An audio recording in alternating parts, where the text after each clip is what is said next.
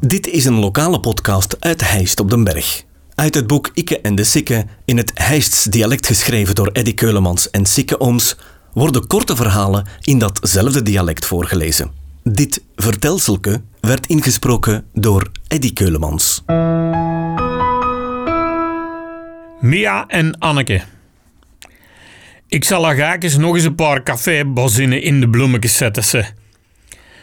Wel kwamen zaterdagavond en tot s'nachts heel veel bij Mia Sterks in de James, neef het spieken. Mia was van Wikkevest en dat was een supervriendelijke madame met heel knappe dochters en dat lokte veel volk. Laan door met ons klik gezooien en gebroen. En s'nachts hielpen we dat dikjes mee om de café nog rap op te kussen. Keren en schuren, hè, mannetjes. En soms vroeg Mia dan spontaan: Mannetjes, wie van elle is er nog nuchter? Dan kunnen we met twee auto's naar Mechelen Chinees gaan eten. Ik doe niet in een noep. En de nuchtere chauffeur, dat was rap gevonden, want de kleine Che was altijd van de partij. Daar gaan ze thuis wel café, maar die dronk zelf geen lek bier. Dan krosten we met twee boomvolle auto's naar Mechelen en dan mochten we bij de Chinees aan de stage ons hot volslagen op meerdere kosten. Welke cafébaas doet dat nou nog? En uh, dat ik toch bezig ben over Chinees eten, ik ben er zot van. En overal waar ik op reis ga, moet ik dat toch eens kunnen proberen. En ik weet dat smaken verschillen, maar ik durf gerust zeggen dat we in Hest gezegend zijn met twee supergoeie Chinese restaurants, de Waiwa en de Chongsan.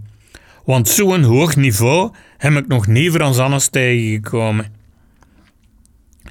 Wie dat ik zeker ook moet vernoemen is Anneke van het Witpiet. Als me daarmee een beperkt gezelschap in de late urkes aan de toog zaten, dan had hij soms gusting om er eens in te vliegen. Ze reed dan al eens naar de RV. Ik zijn zijn achternaam kwijt, maar die een speciaal barke van veu als je Mechelen binnenrijdt op de linkse kant. Normaal mochten er geen mesjes binnen. Maar voor Anneke werd er een uitzondering gemokt, omdat ze de RV goed kende. Hij was ook van het goer afkomstig, denk ik. Dus op een nacht was twee van dat en we rijden met twee auto's nog hinder. Je moest op bellen, want allemaal mocht dan niet binnen. Maar Anneke ging op kop en de RV was blij dat ze een stuk of zeven jonge gastjes baat. En dat waren er ferm want een Dixie was erbij, de Johnny van Feen, Dirks Gegeens, de Ludo van den Brande, de Vus, de Titte, alias Baron Titte van Hozen, de Ronnie van het Witpiet en een kik. De RV had een enorme Duitse scheper en die liep daar in dat barken rond. Aan de bar zat een Vlomse zanger, John Horton. En die trok grote ogen toen dat hem Anneke daar binnengetrippeld zag komen op de hoge hieltjes en met haar spannend wit jeansbroekje aan. Die kwam op haar afgestesseld en die vroeg, Hela, poepemieke, met jij mag ik toch eens gaan dansen, hè? Als je een opdoet voor al mijn zonnetjes, zei Anneke, en ze wees naar ons gezelschap. Amai, zijn dat allemaal haar zonnetjes? vroeg de andere. Maar hij deed toch geen op voor ons.